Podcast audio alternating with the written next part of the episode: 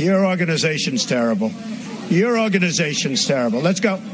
Go ahead. Presiden Trump telah menyebut media sebagai wahana pembohong, tidak jujur, dan bahkan sebagai musuh rakyat. I'm not going to give you a question. You are fake news. Jeff Mason, Presiden Asosiasi Wartawan Gedung Putih yang membawahi wartawan yang meliput di kantor Presiden, membantah tuduhan itu. It is our job to report on facts and to hold leaders accountable. That is who we are. We are not fake news. Merupakan tugas kami, ujar Mason, untuk melaporkan fakta dan membuat agar para pemimpin bisa bertanggung jawab. Inilah tugas utama kami. Kami bukan media pembohong. Kami bukan organisasi berita yang mau gagal. Dan kami jelas bukan musuh rakyat Amerika. Mason menambahkan, pers telah bekerja sangat keras untuk membangun hubungan yang konstruktif dengan tim wartawan Presiden Trump dan juga dalam beberapa konferensi pers. Namun demikian, pers tidak bisa membiarkan ucapan Presiden tentang siapa kami dan apa yang kami lakukan, ujar Mason.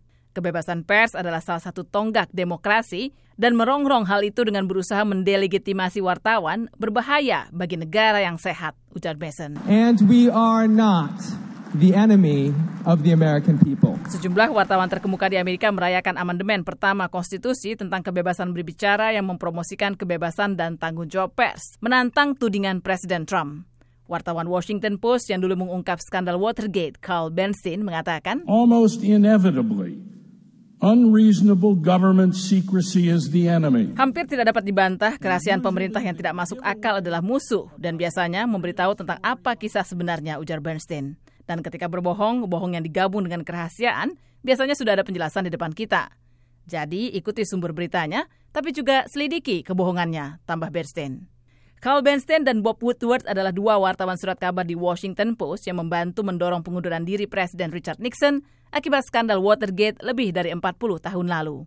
Bob Woodward yang hadir dalam acara itu mengatakan, Like politicians and presidents, sometimes, perhaps too frequently, we make mistakes and go too far. Sebagaimana para politisi dan presiden, kita kadang-kadang atau bahkan terlalu sering membuat kesalahan dan bertindak terlalu jauh. Ketika itu terjadi, kita seharusnya mengakui hal itu. Tapi upaya kita hari ini adalah memperoleh versi berita yang sebenarnya yang umumnya didapat dengan itikat baik.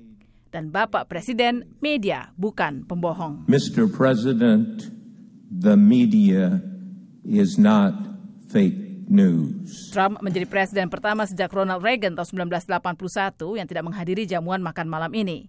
Reagan ketika itu tidak hadir karena sedang memulihkan diri pasca percobaan pembunuhan. Acara tahunan ini kerap dijuluki Nerd Prom. Julukan itu mengacu pada fakta bahwa Washington lebih dikenal karena politik dan kebijakannya, bukan karena kemewahan serta kemeriahannya. Saya Reva, VOA, Washington.